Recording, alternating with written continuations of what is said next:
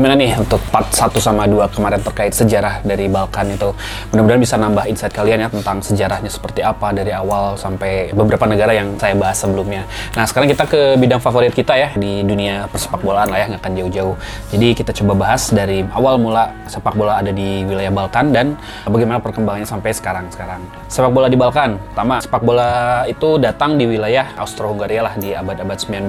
Karena kenapa? Karena sebagian kecil wilayah di Balkan Balkan masuk ke dalam wilayah Austro-Hungaria di mana pada akhir abad 19 di mana sebagian besar pengaruh sepak bola ini datang dari mungkin kota-kota atau wilayah kali ya, wilayah Wina atau wilayah dari Budapest, kemudian dari Praha. Kenapa Praha dan Budapest? Karena memang Wina sendiri kan merupakan ibu kota dari Austria, kemudian uh, Budapest ibu kota dari Hungaria, dan Praha itu ada di sebelah baratnya Austro-Hungaria dan mendapatkan beberapa influence dari Inggris lah ya dulu karena terkait sepak bola pasti tidak jauh datang dari para pekerja Inggris yang berada di wilayah Austro-Hungaria. Nah, nah di sini tercatat pada tahun 1873 itu pertandingan pertama sepak bola itu dilakukan antara pegawai ya, pegawai kereta api di wilayah Rijeka. Rijeka ini di daerah daerah di Kroasia lah, salah satu di daerah Kroasia. Mereka memainkan pertandingan antara pegawai atau karyawan dari dinas kereta apian atau pegawai kereta api di wilayah Rijeka bersama dengan warga-warga lokal di sana. Jadi tercatat di tahun 1873, lumayan uh, tua juga ya. Nah, kemudian untuk klub apa sih klub sepak bola pertama yang ada di daerah Balkan itu tercatat ada di pertama sih sebenarnya ada di wilayah Beograd tahun 1899. Cuman yang tercatat secara sejarah mungkin di tahun 1901 itu daerah Backa atau ya lama kota Backa di wilayah Vojvodina itu wilayah Serbia Utara ya wilayah Serbia Utara di provinsi Vojvodina. Itu berdiri FK Backa 1901 dan tercatat sebagai klub tertua di Balkan Serbia atau Yugoslavia pada saat itu. Dan masih apa ya masih ada lah sampai sekarang. The longest serving club football club in Balkan itu FK Backa 1901 Lalu setelah Perang Dunia ke-1, di mana kerajaan Serbia, Kroasia, Slovenia kemudian berubah menjadi Yugoslavia, pada tahun 29 dibentuklah semacam liga lah ya, liga-liganya atau dibentuk federasi-federasi sepak bola masing-masing di mana ada sepak bola Yugoslavia ini terbagi antara federasi di Beograd yang mewakili Serbia, federasi di Ljubljana itu mewakili federasi Slovenia, federasi Split yang ada di Kroasia juga mewakili Kroasia, lalu Subotica untuk Vojvodina dan Sarajevo untuk di Bosnia Herzegovina itu tahun sekitar tahun 1920-an. Nah, itulah federasi-federasi awal sepak bola yang berada di wilayah Balkan, khususnya di wilayah bekas Yugoslavia. Karena kenapa saya bicara tentang Yugoslavia karena memang yang agak sedikit berkembang atau misalnya agak tercatat dalam sejarah itu memang klub-klub atau persepak bolaan dari wilayah Yugoslavia karena Balkan kadang di sangat identik digambarkan sebagai Yugoslavia di zaman dulu gitu. Lalu tim sepak bola atau timnas Yugoslavia sendiri pembentukan federasi-federasi tersebut mendirikan timnas uh, Yugoslavia pada tahun 1920 dan mulai berpartisipasi nih di Olimpiade musim panas di Belgia dulu dan semenjak itu menjadi salah satu kekuatan yang apa ya yang lumayan bagus lah ya sebagai apa ya sebagai pesaing lah pesaing-pesaing negara-negara Eropa di mulai kompetisi Olimpiade kemudian Piala Eropa Piala Dunia juga. Nah, jadi 10 tahun setelah federasi sepak bola ini berdiri di tahun 1920 mereka 10 tahun kemudian mengikuti uh, Piala Dunia di Uruguay tahun 1930 dan mereka berhasil menempati posisi keempat di Piala Dunia 1930 di Uruguay karena juaranya itu di tuan rumah Uruguay itu sendiri gitu. Gitu. Lalu setelah monarki di apa ya digantikan atau di dibasmi lah ya oleh pemerintahan republik dulunya dan menjadi negara sosialis pada perang dunia kedua ya sel selesai perang dunia, kedua kemudian banyak klub-klub baru nih klub-klub baru yang hadir atau misalnya lahir lah ya setelah era perang dunia kedua karena di situ juga mulai dibentuk liga federal atau liga federal dari Yugoslavia dan menggantikan kompetisi lama itu ya kompetisi monarki lah liga-liga yang masih ada pengaruh dari monarki kerajaan Rusia Slovenia dan Serbia gitu ya gitu. Lalu adanya liga Liga Yugoslavia pertama itu memang dimulai tahun 1923-an. 1923 ini berarti menjadi liga yang lumayan tua. Hanya saja nanti di tahun 92 itu memang harus selesai. Karena apa selesai? Karena memang dibubarnya Yugoslavia. Nah, ini ada beberapa catatan nih terkait si Yugoslav First Federal Football League atau liga utamanya Yugoslavia di mana pemegang atau apa juara juara juara sepak bolanya itu mayoritas sih dikuasai oleh klub-klub Serbia. Pertama kita catat ada Red Star dengan 19 gelarnya, kemudian uh, Partizan Beograd dengan 11 gelarnya, kemudian Hajduk Split dari Kroasia dengan 7 gelar, Dinamo Zagreb juga dari Kroasia juga 4 gelar, kemudian Vojvodina itu dua kali, nah, itu merupakan kalau sekarang saya sebagai bagian dari Serbia. Lalu FK Sarajevo dan FK Zvezdnikar, nah itu klub dua klub dari Bosnia dan Herzegovina. Mereka juga berhasil menjuarai Yugoslav First Federal Football League gitu. Jadi kalau misalnya direkap di mana klub Serbia itu memenangi sekitar 32 kali gelar juara, kemudian klub Kroasia itu 11 kali juara dan klub dari Bosnia Herzegovina itu sebanyak tiga kali juara gitu. Selain itu juga selain liga ya, selain liga Yugoslavia juga ada satu kompetisi yang memang cukup bergengsi lah ya di Yugoslavia ini. Memang namanya itu Piala Yugoslavia. Piala Yugoslavia ini sama masa waktunya dari 1923 sampai 92 pas Yugoslavia ini bubar. Di mana pemenangnya ini nanti akan diberikan satu piala yang piala itu disebut juga Piala Marsekal Tito. Yang kalau kita tahu Marsekal Tito back sebelumnya itu yang merupakan figur penting di Yugoslavia menyatukan atau orang-orang federasi-federasi Yugoslavia menjadi satu namanya Yugoslavia. Itu trofi Marsekal Josip Broz Tito gitu. Nah, untuk si finalnya ini biasanya gitu ya diselenggarakan itu di tanggal 29 November yang disebut dengan Hari Republik gitu. Untuk si kompetisi atau misalnya pemegang piala-pialanya ini tidak jauh seperti Liga Yugoslavia pada sebelumnya. Ini didominasi oleh klub Serbia, di mana ada Red Star Beograd itu 12 kali juara pialanya, Partizan 6 kali, Hajduk Split 9, Dinamo Zagreb 7, dan Vardar dari Makedonia itu sekali. Nah, di sini klub Serbia memang uh, mayoritas juara, kalau tercatatnya 22 kali juara, Kroasia 18 kali, kemudian Bosnia 3 kali, dan yang tadi klub dari Makedonia itu Vardar itu juara satu kali ya jarang-jarang ada Makedonia naik lah atau mengangkat piala di entah liga atau di piala gitu. Lalu selain itu kita berangkat ke Balkan Cup. Sebelumnya saya sudah, sudah coba sampaikan lah ya, di mana ada event olahraga negara-negara di Balkan yang memperebutkan satu piala lah ya, hanya saja memang tidak bertahan lama itu di tahun 1929 sampai tahun 80 di mana Piala Balkan atau Balkan Cup ini hanya diselenggarakan untuk beberapa negara saja ya. Dan memang hype juga memang tidak sepopuler Piala Eropa atau Piala bahkan Piala Dunia. Tapi memang jadi tolak ukur dari tim-tim dari Balkan ini untuk menguji atau mengetes uh, kemampuan sepak bolanya. Dan gitu. Terus untuk si uh, pemenangnya atau pemegang piala terbanyak juga dikuasai atau dipegang oleh timnas Rumania itu sebanyak 4 gelar gitu jadi ya tim-tim Yugoslavia justru jarang menang di Balkan Cup. Oke, lanjut ke tim nasional Yugoslavia. Nah, yang tadi kita coba bahas sedikit terkait dari mulai federasi 1920 kemudian 30. Nah, di era 30-an ini timnas Yugoslavia juga pertama itu yang tadi ya mereka juara keempat di Piala Dunia Uruguay tahun 30. Untuk di era 40-50-an ini timnas Yugoslavia memenangkan dua kali medali perak di Olimpiade tahun 1948 dan 1952 gitu. Kemudian ke tahun 60-an, nah ini lumayan agak menjadi apa ya salah satu saingan di negara-negara yang dulu memang bagus di sepak bolanya. Pertama, mereka menjadi runner up untuk Euro 1960 itu Euro pertama ya, Euro Cup pertama di dunia dan mereka harus kalah oleh USSR atau uh, Soviet lah ya, Soviet di tahun 60 sehingga pencapaian tertinggi mereka adalah di runner up Euro selain di 1960 juga 8 tahun kemudian di 1968 dia harus menjadi runner up di Euro 68 dan yang jadi juaranya itu di Italia gitu. Kemudian kembali lagi ke Piala Dunia, gelar atau apa ya, posisi terbaiknya setelah dulu di 1930 menjadi juara keempat, kembali lagi nih terulang di Piala Dunia 1962 di Chili. Dia menempati juara empat juga untuk di posisi keempat di gelaran Piala Dunia 62 di Chili. Lalu ada yang yang lumayan fenomenal juga di mana under 20-nya atau U20-nya timnas Yugoslavia juga menjadi fondasi generasi emas Yugoslavia. Nah, ini ada cerita menarik juga di mana mereka menjadi juara gitu ya, menjadi juara U20 dan didominasi oleh beberapa etnis ya di dalamnya itu.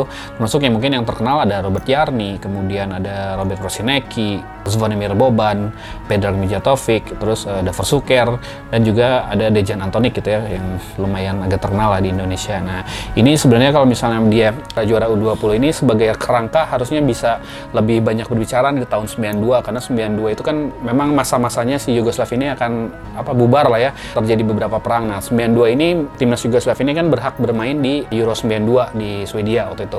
Nah hanya saja begitu perang berkecamuk dan Yugoslavia ini dilarang tampil di Euro 92 dan harus digantikan oleh Denmark di tahun 92 nah kemudian cerita lainnya sih setelah digantikan Denmark Denmark yang justru jadi juara di tahun 92 di Euro 92 di Swedia. Nah itu coba saja kalau misalnya tidak ada perang ya mungkin 92 itu jadi tahunnya Yugoslavia menjadi juara Eropa gitu. Itu. Lalu ada suatu peristiwa lahnya suatu, peristiwa yang katanya menjadi trigger perang Yugoslavia ini pecah di mana ada pertandingan antara Dinamo Zagreb kalau Dinamo Zagreb dengan uh, Red Star Beograd itu terjadi di Maksimir Stadion. Milicija trebalo da interveniše. Možda i već kod rušenja reklama. Milicionare doba napada Maximir Stadium ini salah satu stadion terbaik di Kroasia dan merupakan markas dari Dinamo Zagreb. Nah, di mana di situ terjadi satu apa ya? sedikit chaos gitu ya antara supporter dengan polisi. Nah, di situ ada satu momen di mana Zvonimir Boban itu menendang atau ya menendang salah satu aparat keamanan. Nah itu menjadi simbol perlawanan orang-orang Kroasia terhadap orang-orang Serbia. Nah itu disebut dengan peristiwa Maksimir Stadium. Nah itu ada beberapa apa ya kayak semacam diorama lah ya di mana si Zvonimir Boban sedang menendang dan memukul si aparat keamanan di sana gitu ya. Nah itulah yang katanya menjadi trigger Yugoslav War uh, secara keseluruhan. Tapi ya nggak tahu juga ya karena memang ada beberapa isu-isu politik sebelumnya gitu ya. Itu hanya jadi puncaknya ya salah satu puncaknya terjadinya perang Yugoslavia di tahun 90-an gitu. Oke, okay, setelah Yugoslavia bubar di tahun 92, mereka membentuk atau tersebar menjadi enam negara yang berdaulat ya di antaranya itu ya. Saya sudah sampaikan sebelumnya di part-part 1 dan 2 itu pertama ada Serbia jelas. Kemudian ada Montenegro kemudian ada Slovenia ada Kroasia ada Makedonia Utara Bosnia Herzegovina dan terakhir yang baru merdeka adalah Kosovo. Nah untuk si bagian klub-klub sepak bolanya dari masing-masing negara ini dan ada beberapa tambahan negara Balkan saya coba bahas beberapa fakta-fakta ya atau fakta-fakta atau apa ya ya informasi lah informasi yang bisa saya sampaikan terkait sepak bola di beberapa negara Balkan kemudian klubnya atau juga pemain-pemainnya. Terus hal-hal unik apa aja sih yang ada di uh, klub sepak bola di Balkan ini? Saya berangkat pertama ke Albania. Nah Albania ini uh, secara negara dulu kita coba bicara itu mempunyai rival rival negara atau rival sepak bolanya itu yang jelas itu dia mempunyai rival dengan Serbia jelas. Kenapa? Karena memang ada perselisihan lah antara antara etnis uh, Alban dengan etnis Serbo. Dia mulai dari zaman dulunya, dari, dari zaman dulu sampai perang Yugoslavia dengan genosida-genosida yang dilakukan oleh tentara-tentara Serbia. Nah, itu makanya kenapa Albania dan Serbia ini disebut apa ya, musuh bebuyutan lah ya dari zaman dulunya sampai sekarang. Lalu ada juga derby dengan Kosovo. Nah, Kosovo ini karena negara baru, dia disebutnya sebagai Velazeror Derby atau derby persahabatan atau derby saudara lah derby saudara. Karena kenapa? Karena orang-orang Kosovo ini ya memang rata-rata orang-orang Albania yang berada di wilayah Kosovo. Kalau kita tahu Kosovo itu salah satu wilayah yang ada di selatannya Serbia dan di situ mayoritas merupakan etnis dari Albania gitu. Lalu ke klub-klub yang ada di Albania itu yang terkenal ada Skenderbe kita tahu Skanderbe juga diambil dari kata apa? Ya dari pahlawan nasionalnya Albania, itu Iskandar Bey atau Skanderberg atau George Castrioti dan merupakan klub yang berasal dari kota Korce dan merupakan rival dari KF Tirana. Nah, KF Tirana ini ya atau klub football Tirana ini memang berada di ibu kota. Nah, ibu kota dari Albania kan Tirana ya. Nah, KF Tirana ini berbagi derby juga nih dengan tiga klub lainnya di mana ada KF Tirana, kemudian Dinamo Tirana dan Partizani Tirana. Nah, Partizani Tirana ini dengan Dinamo Tirana itu menjadikan satu derby yang disebut dengan derby Tirana. Nah, Nah, hal unik lagi juga, kenapa sih banyak yang memakai nama Partizan gitu ya di daerah-daerah Balkan gitu ya, entah itu dari Albania, kemudian dari Serbia, dan dari beberapa klub lah ya di daerah Balkan. Nah, uh, kalau kita telusuri sih memang uh, Partizan ini kan disebut apa ya, artinya sendiri kan merupakan partisan atau partisipan dari satu apa ya, kelompok perlawanan terhadap pendudukan dulu waktu Perang Dunia II itu beberapa wilayah di Balkan itu ditempati oleh Nazi lah ya. Nah, itu salah satu perlawanan orang-orang dari Balkan itu mereka menyebutnya Partizan atau ya Partizan atau Partizani itu di apa ya diinisiasi oleh kalau di Albania itu diinisiasi oleh Enver Hoxha. Enver Hoxha ini salah satu presidennya Albania lah ya. Nah, kalau untuk yang di Partizan satu lagi yang di Serbia itu memang dibuatnya oleh Josep Broz Tito. Dia mendirikan uh, partizan-partizan untuk melawan pendudukan Nazi di Serbia dan juga Slavia. Nah, makanya kenapa banyak nama partizan itu di wilayah Balkan ya karena untuk membangkitkan semangat lah ya bahwa partizan ini melawan satu kediktatoran uh, Nazi. Lanjut ke pemain-pemain terkenal dari Albania. Nah, pemain terkenal dari Albania ini kita bisa sebut lah ya Taulan Saka. Nah, Taulan Saka ini merupakan apa ya kakak kakak dari Granit Saka yang bermain di Swiss. ini dia main di FC Basel. Kemudian ada Altin Lala, dia lumayan terkenal di Hanover di Jerman. Lalu ada Loricana. Loricana ini salah satu back bagus lah ya di uh, dia pernah bermain di PSG, Marseille, kemudian di Lazio juga. Itu merupakan salah satu pemain yang memiliki caps terbanyak lah di Albania gitu. Lalu ada Iglitare. Nah, siapa yang tidak tahu Iglitare? Salah satu penyerang bagus lah ya di Serie A Italia. Kalau misalnya memang senang dengan Liga Italia pasti tahu Iglitare seperti apa, cara bermain seperti apa. Nah, dia terkenalnya memang di Lazio. Nah, di Lazio ini memang dengan rambutnya yang warna kuning, maksudnya warna agak-agak sedikit eksentrik lah ya, dengan badan tinggi gitu. Nah, Iglitare dan sempat juga menjadi salah satu manajemen di Lazio, yaitu Iglitare. Selanjutnya ada cerita unik terkait foto Trakosha dan Thomas Trakosa. Nah, foto Trakosa ini dikenal sebagai salah satu legenda Albania karena dia merupakan kiper tim nasional pada tahun berapa ya? Tahun ya 70-80-an lah ya. Nah, dia ini memiliki anak bernama Thomas Trakosha. Nah, Thomas Trakosha ini kan bermain di Lazio dan merupakan salah satu kiper tim nasional dari Albania juga. Jadi apa ya turun temurun lah ya antara posisi kemudian dia membela satu Albania juga gitu. Nah, untuk si foto Trakosha sendiri sekarang tercatat sebagai pelatih kipernya di Lazio justru. Tapi hanya saja si Thomas Rakosa sekarang sudah pindah ke klub Liga Inggris uh, Brentford FC gitu. Lalu hal unik apa lagi yang ada di negara Albania ini yang apa ya termasuk dalam hal sepak bolanya?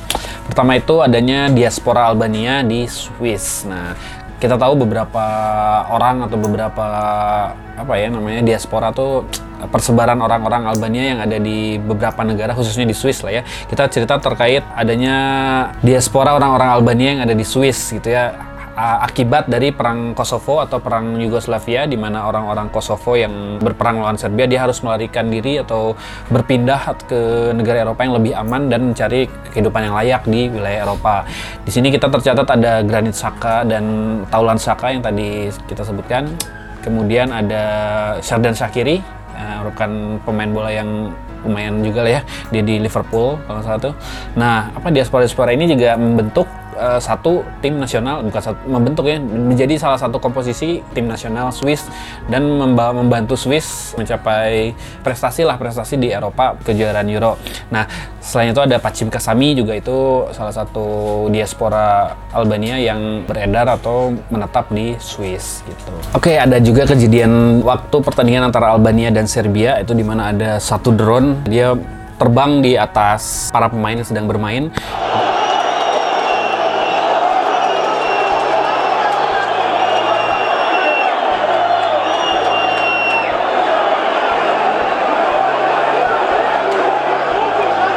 Dan di situ ada satu pesan bahwa apa ya auto autochronus gitu autochtonus yang dibarengi dengan gambar kota Albania dan merupakan salah satu penghinaan ya terhadap orang-orang Serbia gitu ya.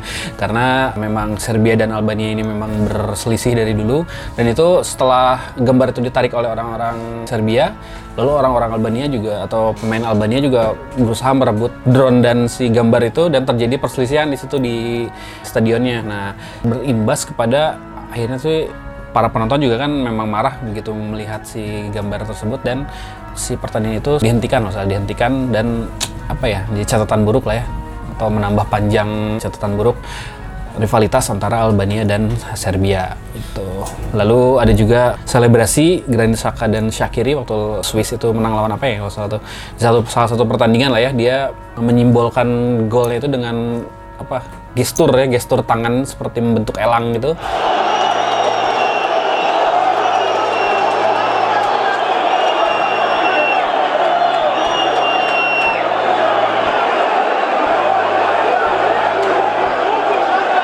Dan itu merupakan simbol persatuan orang-orang Albania lah sebenarnya karena kan ini disebut sebagai elangnya Albania dan itu merupakan salah satu penghinaan terhadap Serbia karena waktu itu Swiss, Inggris Saka dan Sedan Sakiri itu mencetak gol melawan Serbia. Itu salah satu catatan unik. Gitu. Lanjut ke Bosnia Herzegovina. Nah, Bosnia Herzegovina ini ya musuh utamanya jelaslah Serbia ya, karena mereka merasa tertindas waktu zaman Yugoslavia oleh etnis-etnis Serbo. Lalu untuk si klubnya sendiri ada FK Zilje Nikar yang tadi sempat menjuarai di Piala Yugoslavia. Ini berasal dari kota Sarajevo Lalu arti dari Nikar sendiri adalah pekerja kereta api atau railway worker, makanya disebut FK Football Ski Club Nikar gitu. Lalu ada FK Sarajevo. FK Sarajevo ini salah satu klub juga di Sarajevo dan yang uniknya itu klub ini dimiliki oleh Vincentan. Nah, Vincentan ini salah satu apa ya presiden atau, atau owner dari klub Cardiff City dan juga VK Kortrijk di Belgia. Nah itu. Lalu ada HNK Zrizinski. Nah ini HNK Zrizinski ini disebut dengan Mostar Derby. Kenapa Mostar Derby? Ya karena memang derby berasal dari kota Mostar.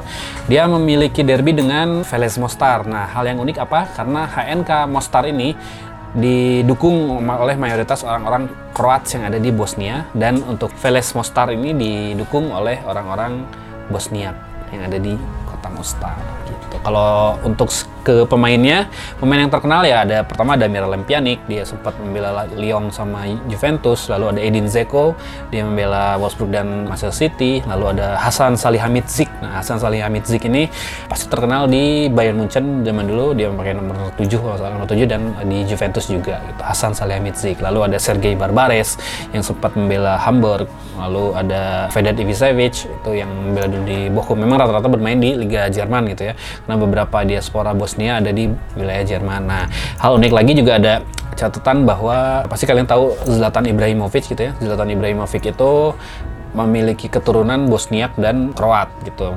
Makanya dari nama juga kan Zlatan artinya emas Ibrahimovic ya ayahnya bernama Ibrahim gitu.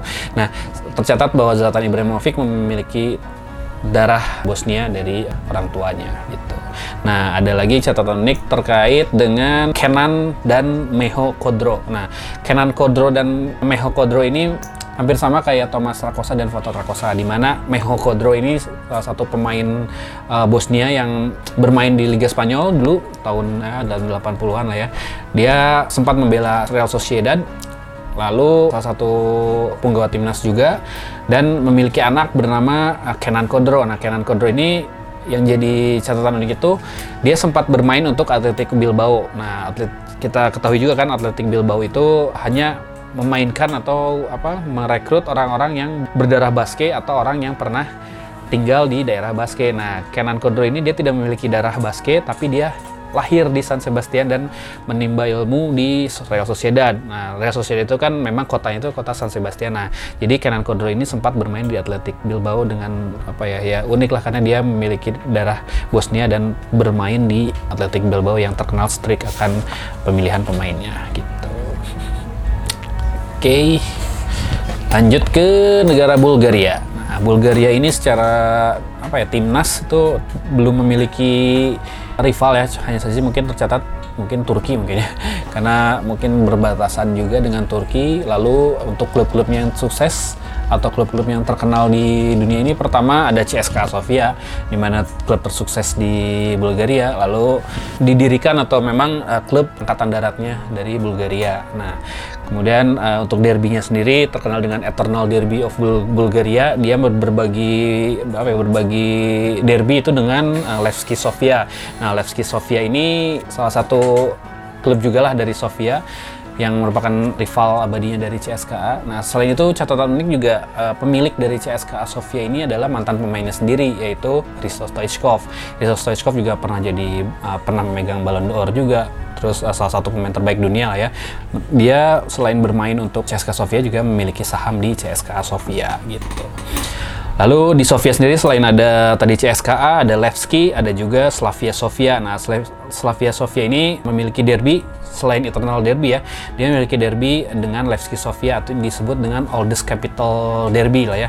Jadi apa? Derby ibu kota tertua gitu, derby ibu kota tertua di Sofia. Untuk si Slavia Sofia juga merupakan salah satu klub yang belum pernah terdegradasi bareng dengan Levski Sofia di Liga Bulgaria. Gitu. Untuk pemain-pemain yang ada di Bulgaria, pertama ada Hristo Stoichkov, jelas, yang merupakan legenda CSKA Sofia, Barcelona, uh, Parma, dan sempat bersinar juga di Piala Dunia 94 di Amerika. Lalu ada Dimitar Berbatov, Dimitar Berbatov uh, bagus di Tottenham Hotspur, selalu sempat ke MU juga gitu. Lalu ada Krasimir Balakov, itu sempat bermain di Sporting Lisbon dan VfB Stuttgart. Nah ini sama bahu-membahu dengan Hristo Stoichkov di Piala Dunia 94.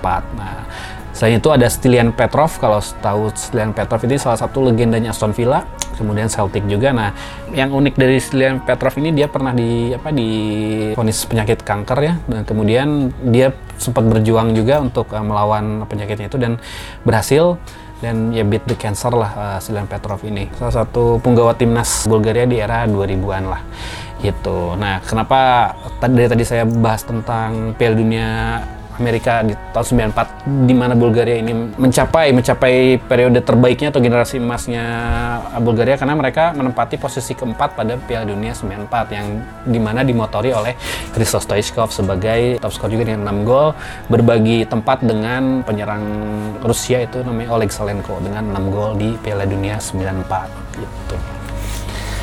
Lanjut ke negara Montenegro. Nah, Montenegro ini apa ya disebut punya musuh di timnasnya ya jelas pasti dengan Serbia. Karena sebelum berpisah dengan Serbia pada tahun 2006 sampai 2008 di Piala Dunia 2006 itu Serbia Montenegro masih masih satu. Karena tempat saya pernah lihat tuh ya, si apa Dejan Dejan Stankovic juga masih memakai jersinya itu masih timnas Serbia Montenegro gitu ya SMG gitu isinya SMN apa SM uh, SCN gitu SCN nah SCN nya itu tuh masih bergabung 2006 nah 2008 itu mulai pisah Montenegro dan mendirikan tim nasionalnya sendiri gitu. Nah di situ mungkin yang jadi rival abadinya ya jelas pasti antara Serbia atau dengan Kroasia karena Montenegro sendiri sering diibaratkan bukan orang-orang Montenegrin tapi orang-orang Serbia Serbia juga gitu. Lalu ke klubnya, klub yang terkenal itu ada FK Buduknos Podgorica karena dia ada di Podgorica atau Titograd. Nah, Buduknos ini uh, memiliki derby atau yang disebut apa Chernogorski derby atau Chernogora derby atau derby Montenegro itu dengan Suceska. Nah, FK Suceska Nikic ini berasal dari Niksic itu di daerah Montenegro dan merupakan apa ya klub awalnya dari legenda si Montenegro itu sendiri kalau nggak salah itu namanya si Mirko Vucinic. Nah itu FK Suceska yang berbagi derby dengan FK Buduknos Podgorica gitu ada juga satu ya klub yang lumayan agak naik ya FK Mornar lah ya yang berasal dari kota Mornar Montenegro. Lalu kembali ke pemain-pemain yang terkenal dari si Montenegro sendiri. Kita tahu ada Stefan Jovetic yang sempat membela Fiorentina dan Manchester City. Lalu ada Mirko Vucinic yang tadi eh, saya sebutkan itu. Dia sempat membela Lecce kemudian Juve dan juga yang paling terkenal ya selebrasinya dia waktu mencetak gol di klub Leke gitu nggak apa di itu? Dia dengan membuka celana membuka celananya dia hanya tersisa kolor aja gitu ya. Nah, terus di ya di gitulah si celananya si boxernya gitu ya. Nah itu lumayan ikonik lah ya untuk si Mirko Vucinic itu. Lalu ada Stefan Savic back yang kuat itu di dia sempat membela Manchester City, Atletico Madrid dan Fiorentina. Nah kalau untuk si cerita uniknya lagi sih mungkin belum begitu banyak ya terkait Montenegro ini. Ya kita lanjut aja ke negara selanjutnya yaitu Makedonia Utara atau North Makedonia. Nah, untuk uh, Makedonia Utara ini memiliki rival tim nasionalnya ya pastinya Serbia. Pasti Serbia dan satu lagi ya Yunani. Kenapa ya? Karena terkait perebutan nama tentang si Makedonia itu. Nah, untuk klub-klub yang terkenal ada FK Skopje, KF Skupi, kemudian ada yang lagi booming lah ya di si Makedonia Utara ini. Namanya itu Akademia Pandev. Nah pasti tahu kan Akademia Pandev ini siapa yang punyanya? Pasti itu adalah milik dari legendanya Makedonia Utara itu namanya Goran Pandev. Nah Goran Pandev ini salah satu pemain yang terkenal sempat bermain di Inter Milan, Napoli lalu uh, apa Lazio dan Genoa. Nah, waktu 2010 dia sempat mau pensiun juga di 2015 2010 dia mendirikan Akademia Pandev di Makedonia Utara. Nah, sekarang Akademia Pandev sendiri sudah berada di level 1 atau di serata pertamanya di Liga Makedonia Utara. Lalu ada Darko Panchev. Darko Panchev ini salah satu penyerang Red Star Beograd waktu tahun 91 mereka menjuarai Piala Champions tahun 91 dan salah satu mencetak gol untuk kemenangan Red Star ya waktu final dulu dan dia merupakan apa ya tercatat sebagai perwakilan Macedonia gitu ya di Yugoslavia karena dulu Yugoslavia bersatu dia salah satu striker terbaik juga di Yugoslavia itulah Darko Panchev. Nah untuk si sepak bola masa depannya ya tercatat namanya Enis Bardi. Enis Bardi ini sekarang main di Trabzonspor, Trabzonspor Turki. Dia sempat melang buana di Liga Spanyol, salah. Nah itulah untuk di Makedonia Utara. Jet ke Slovenia kita ke utara ya. Nah Slovenia ini mempunyai derby timnas dengan Kroasia. Kenapa dengan Kroasia ya? Karena memang tetanggaan dan untuk si apa ya Slovenia dan Kroasia ini kan seperti saudara ya makanya si derbynya sendiri disebut Sosetski Derby atau derby tetangga atau neighborhood derby gitu ya. Nah kenapa ya kalau misalnya kita lihat tarik lagi untuk dari segi orang-orang ya orang Sloven sama orang Kroat itu kan lebih dekat dari segi keagamannya juga antara mereka juga sama-sama Katolik lah ya untuk Slovenia dan Kroasia itu lebih banyak memegang Katoliknya. Nah makanya disebut Sosetski Derby atau neighborhood derby di utara. Gitu. Untuk klub-klub yang terkenalnya selain Slovan Liberec ada Olimpia Ljubljana. Nah, Olimpia Ljubljana ini kan ibu kotanya ya. Nah, dia memiliki derby atau yang disebut dengan Eternal Derby of Slovenia. Itu dengan uh, NK Maribor. Nah, NK Maribor ini salah satu klub yang lumayan bagus juga lah di Piala Champions. Lalu ada uh, ND Gorica. Nah, dari empat ini ya empat besarnya dari si Liga Slovenia. Untuk pemain-pemainnya pasti sangat terkenal kalau Slovenia itu kipernya pertama siapa yang tidak tahu Samir Handanovic ya Samir Handanovic ini memang bagus di Udinese-nya kemudian bagus di uh, Inter Milan-nya. Lalu ada Jan Oblak. Jan Oblak ini salah satu kiper terbaik di dunia saat ini yang sekarang membela Atletico Madrid. Ada juga cerita tentang Josip Ilicic. Nah Josip Ilicic ini dua tahun kemarin lah memang bermain baik sekali ya di Atalanta. Namun ada satu apa kejadian gitu ya begitu dia pulang ke Slovenia menemukan istrinya sedang berselingkuh dan mengalami depres atau depresi sampai akhir-akhir kemarin lah di 2022 dan menemukan performanya kembali di NK Maribor di klub kota asalnya lah ya gitu. Itulah Josip Ilicic. Sekarang jadi besar ya badannya karena stres makanya di press gitu. Selain itu ada catatan di Srečko Katanec. Nah, kalau kalian tahu di Euro 2 Euro 2000 atau apa Liga Italia tahun 90-an, Srečko Katanec ini salah satu golden generationnya Sampdoria. Nah, dia bermain bersama siapa dulu ya? Lombardo, Mancini. Nah, Srečko Katanec ini salah satu defensive midfielder lah ya. Dia membawa Sampdoria berjaya di Liga Italia juga. Nah, setelah itu dia menjadi pelatih dari timnas Slovenia sendiri. Nah, karena dia berdarah Slovenia itu setelah Slovenia bubar dari Yugoslavia. Itulah Srečko Katanic. Lalu catatan yang lainnya adalah Zlatko Zahovic. Nah, Zlatko Zahovic ini lumayan bagus di Euro 2000 dan dia tampilan juga lumayan ikonik dan menjadi motor motor Slovenia waktu di Euro 2000 dulu. Dia sempat membela Benfica, kemudian Valencia juga. Cuman seiring dengan berjalan waktu memang sudah tidak bagus lagi dan kemudian memutuskan untuk pensiun. Itulah Zlatko Zahovic gitu. Oke, lanjut ke negara Kroasia. Nah, salah satu derby terpanasnya atau derby timnas terpanasnya jelas dengan Serbia ini sebut Eternal Derby of Balkan. Selain itu juga ada derby Adriatik atau derby Laut Adriatik dengan Italia karena dia hanya tinggal menyeberang saja menyeberangi Laut Adriatik. Jadi Kroasia ini punya dua derby yaitu derby dengan Italia dan derby dengan Serbia gitu. Untuk klub-klubnya yang terkenal jelas ada Dinamo Split, kemudian ada Hajduk Split, nah lalu ada Dinamo Zagreb. Nah Dinamo Zagreb ini salah satu top klub di Eropa di mana dia juga memiliki eternal derbynya sendiri karena beberapa derby di Balkan itu suka disebut dengan eternal derby atau derby abadi gitu ya karena memang berlangsung cukup lama dan panas gitu. Memiliki kandang itu yang tadi Maximir Stadium yang menjadi tempat beban menendang aparat keamanan dari Serbia. Lalu memiliki ya derby tadi dengan Hajduk Split Hajduk Split ini salah satu klub yang berasal dari kota Split, kota terbesar kedua lah ya di Kroasia itu.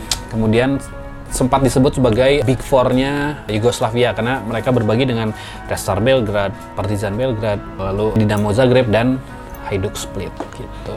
Ada juga uh, eh, HNK Rijeka yang ada di kota Rijeka. Itu beberapa klub yang ada di Kroasia.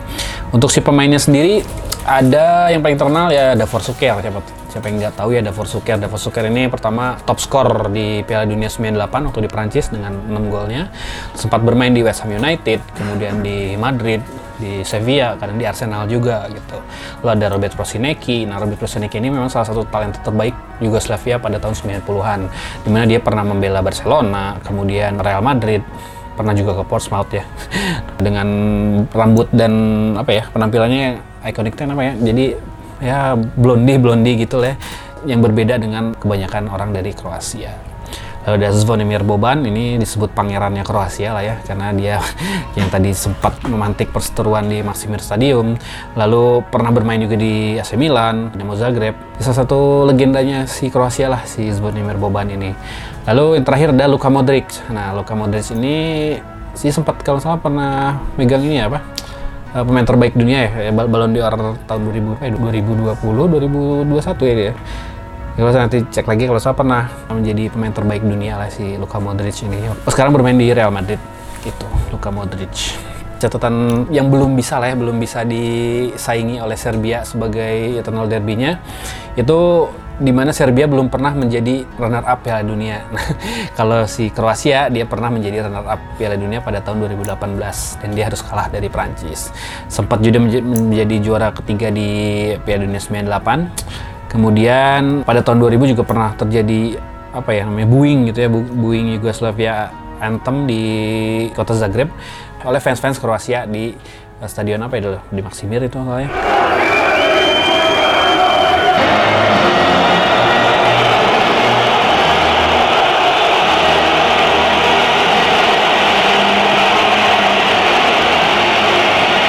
Itu jadi begitu si Serbia masuk dan menyanyikan atau menyetel menyetel lagu kebangsaan Yugoslavia nah itu dibuing oleh orang-orang Kroasia. Karena memang orang-orang Kroasia juga memiliki sensitivitas tinggi ya terhadap orang-orang Serbia apalagi ex dari Yugoslavia itu untuk negara Kroasia Oke, ke negara Romania. Nah, Romania ini memiliki derby atau memiliki musuh dengan Hungaria. Nah, tetangganya lah. Tangganya ini disebut uh, derby karena apa? Karena dulu ada nama perjanjiannya itu ya perjanjian Trianon atau Trianon Treaty. Ini di mana yang mengharuskan Hungaria harus kehilangan wilayah Transilvania ke Romania. Nah, kemudian gimana ya? Pride kehilangan wilayah ke negara lain jadi membawa rivalitas itu ke sepak bola gitu. Itu untuk si tim tim nasionalnya. Kalau untuk si klubnya itu ada FC Steaua Bukares yang pernah juga menjuarai Piala Champions tahun 86 dan beberapa talenta Romania juga pernah menimba ilmu di FC Steaua Bukares tapi sayangnya FC Steaua Bukares ini sedang mengalami apa ya konflik lah ya konflik internal antara si tentara dengan pengusaha atau investor. Dan menjadi dualisme antara FC Steaua Bukares dengan FCSB siapa yang berhak memiliki sejarah dari FC Steaua Bukares itu nanti kita bahas di lain kesempatan. Lalu ada Dinamo Bukares itu rivalnya dari FC Steaua Bukares lalu ada CF Cluj dan FC Timisoara. Nah, untuk ke pemainnya sendiri yang paling terkenal dari Romania itu ada George Hagi. Nah, George Hagi ini disebutnya apa ya julukannya tuh? Maradona dari Karpatia, ini Maradona dari Karpatia. Nah, dia memang wah talenta terbaik atau dari generasi emasnya Romania di tahun 90-an. Dia sempat membela Steaua Bukares jelas, kemudian Barcelona, Real Madrid dan yang terakhir di Galatasaray. Nah, Galatasaray ini dia sempat juga membawa Galatasaray juara tahun 2000. Itu sempat mengangkat piala di Galatasaray dan menjadi legend di Galatasaray Turki. Lalu ada Adrian Mutu. Adrian Mutu ini pasti tahu lah ya. Memang bagus di depan, ya bagus sebagai striker, pernah membela Fiorentina, Verona, Chelsea juga. Adrian Mutu juga pernah sempat membela di Parma. Nah, hal yang paling diingat dari Adrian Mutu ya terkait kasus dopingnya. kasus dopingnya Adrian Mutu yang sempat membuat dirinya wah drop drop pisan lah di karir segi karirnya gitu itu Adrian Mutu saya itu juga ah yang terkenal siapa ya di Romania? Ya duetnya si Fiorel Moldovan dengan Adrian Ili di tahun 98 nah kenapa saya ngambil ke 98 karena di 98 ini Romania memiliki epic moment lah ya. Epic moment saat mengalahkan Inggris di Piala Dunia 98 setelah mengalahkan Inggris di babak selanjutnya semua pemainnya itu di blondie atau di warna rambutnya menjadi kuning. Nah itu salah satu iconic moment tahun 98 Romania saat mengalahkan Inggris di Piala Dunia itu. Lalu untuk si catatan FCSB tadi ya, FC Bukares juga menjadi uh, klub Romania pertama atau klub Balkan pertama yang menjuarai Piala Champions pada tahun 1986. Gitu. Lanjut ke selatan ke Turki. Nah, Turki ini mempunyai rival ya. Rivalnya utamanya jelas dengan Yunani. Karena kenapa? Ya Ottoman rivalry lah atau rivalitas sejak zaman Utsmani gitu. Apalagi mereka juga bertetangga ya bertetangga antara barat dan timur antara Turki dan Yunani.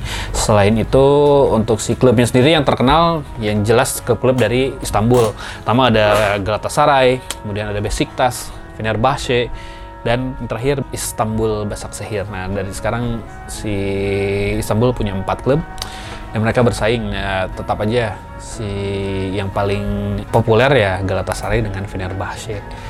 Lalu ada klub lain yang mulai men men menyodok ke atas dan sempat menjadi juara juga di tahun 2021 itu Trabzonspor. Nah, Trabzonspor ini salah satu klub yang ada di wilayah timurnya Turki dan dia mendobrak dominasi klub-klub dari Istanbul, Trabzonspor.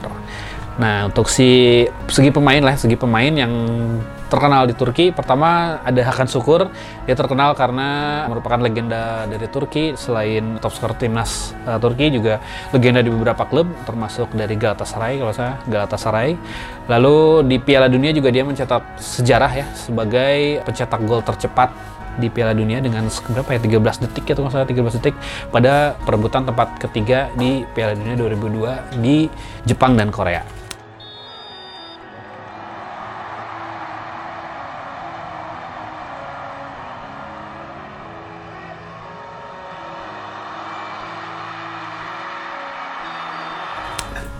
Oke, selanjutnya kita ke negara Serbia. Nah, negara Serbia ini tercatat mungkin dua rival ya. Pertama itu ada rival dengan Kroasia. Ini lebih diidentikan dengan political derby ya atau derby secara politik karena ya seperti konflik-konflik sebelumnya di mana etnis Kroat pasti berselisih dengan etnis dari Serbo gitu.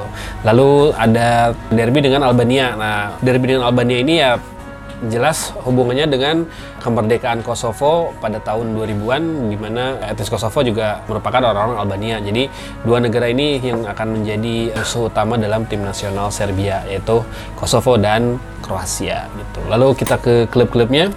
Klub-klub yang terkenal jelas ada Red Star Beograd. Red Star Beograd ini salah satu klub. Ya, kalau nama aslinya sih sebenarnya Crvena Zvezda gitu ya. Crvena Zvezda ini kalau di bahasa Latin kan yang menjadi Red Star. Red Star dari kota Beograd atau Red Star Beograd. Mereka ini memiliki apa kandang gitu ya. Kandangnya itu disebutnya Maracana. Nah, mengapa Maracana Stadium? Karena untuk dari segi desainnya sendiri mungkin mirip dengan Stadion Maracana yang ada di Brazil. Jadi sebutnya The Maracana Stadion.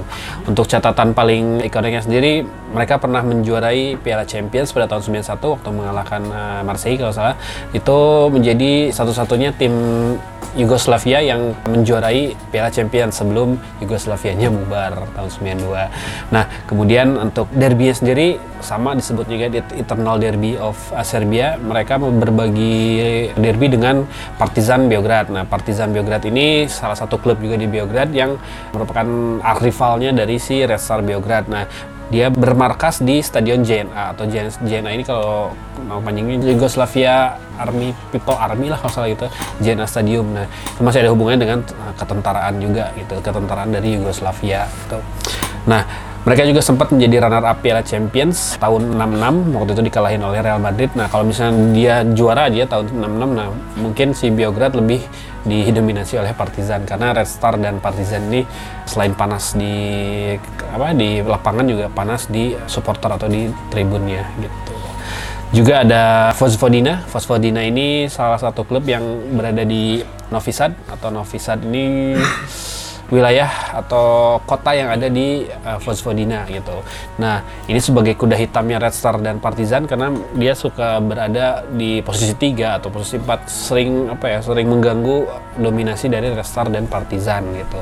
Nah, untuk si lambangnya, nah lambang ini sendiri terinspirasi dari klub Slavia Praha. Nah, Slavia Praha ini satu klub yang ada di Ceko, dinamai oleh Slavia ya karena didirikan oleh orang-orang Slavia. Nah, mereka terinspirasi dari Slavia Praha ini dan menyadur atau mengambil bintang merahnya itu atau sebagian besar lambangnya itu dari Slavia Praha. Nah, terinspirasi dari klub itu. Untuk si pemain-pemainnya yang terkenal jelas ada Dejan Stankovic. Nah, Dejan Stankovic ini legenda Star Belgrade. Kemudian Inter Milan juga ya kita ingat ya pernah golnya dia waktu melawan apa Schalke waktu itu yang kipernya sendiri kiper Manuel Neuer dia mencetak gol dari tengah lapang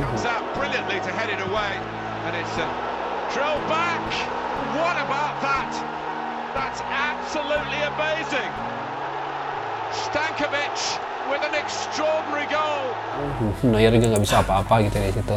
Lalu dia juga pemain yang tercatat pernah membela tiga timnas. Ya tiga timnas itu pertama dia pernah membela Yugoslavia, kemudian membela Serbia Montenegro dan terakhir membela Serbia. Itulah Dejan Stankovic.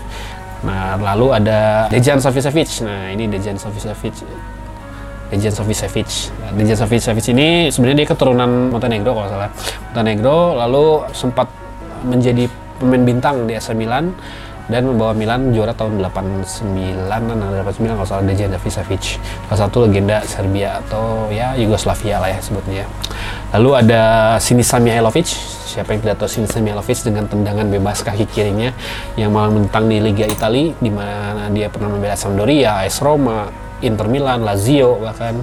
Nah, Mihailovic ini salah satu ik- ikoniknya dari Serbia. Selain dia pernah membawa si Red Star-nya juara tahun 91, pernah bermain sebagai pemain tengah, pemain sayap, pemain back kiri, bahkan sebagai back tengah. Itulah Sinisa Mihailovic. Lalu ada Dragan Stojkovic. Dragan Stojkovic itu pemain atau legenda si Red Star Beograd. Nah, sekarang menjadi pelatih tim nasional Serbia di Piala Dunia 2022. Itu Dragan Stojkovic.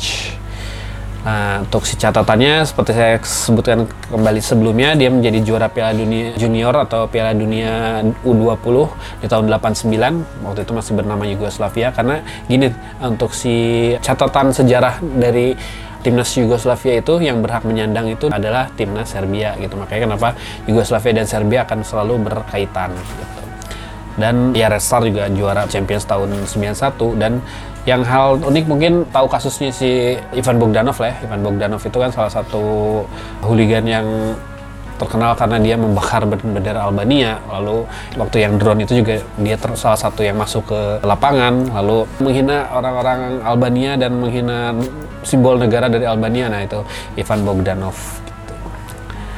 Lalu terakhir ke negara yang baru saja merdeka atau negara termuda di Yugoslavia yaitu Kosovo. Nah, Kosovo ini memiliki rival tapi disebut rival juga bukan ya karena sebagian besar orang-orang Kosovo yang saya sebutkan merupakan keturunan orang Albania makanya dia memiliki derby persaudaraan atau brotherlyhood dengan Albania yang disebut dengan tadi Vela Zerorza Derby atau disebut the brotherly derby dengan Albania selaku adik atau kakaknya lah gitu. Nah untuk klub-klub yang tercatat di Kosovo ini ada FK Pristina. Nah ini salah satu klub tersukses di Kosovo. Lalu ada KF Drenica, ada Trepka Mitrovice. Nah ini ada hal unik lagi nih antara si Trepka Mitrovice dengan KF Trepka Mitrovice. Nah karena untuk si Trepka Mitrovice ini merupakan klub yang ada di wilayah Kosovo Kosovo Utara atau berbatasan dengan Serbia dan dia berkompetisi di Liga Serbia. Nah, hanya saja begitu merdeka si Kosovo. Nah, para, para pemain dan para supporternya yang memiliki darah Albania Kosovo, dia harus berpindah atau berganti klub menjadi KF Trepka Mitrovica. Nah, KF Trepka Mitrovica ini dia berkompetisi di Liga Kosovo. Nah, itulah jadi ada dua klub yang satu bermain di Serbia dengan nama Trepka Mitrovice dan yang kedua itu ada KF Trepka Mitrovica yang bermain di Liga Kosovo.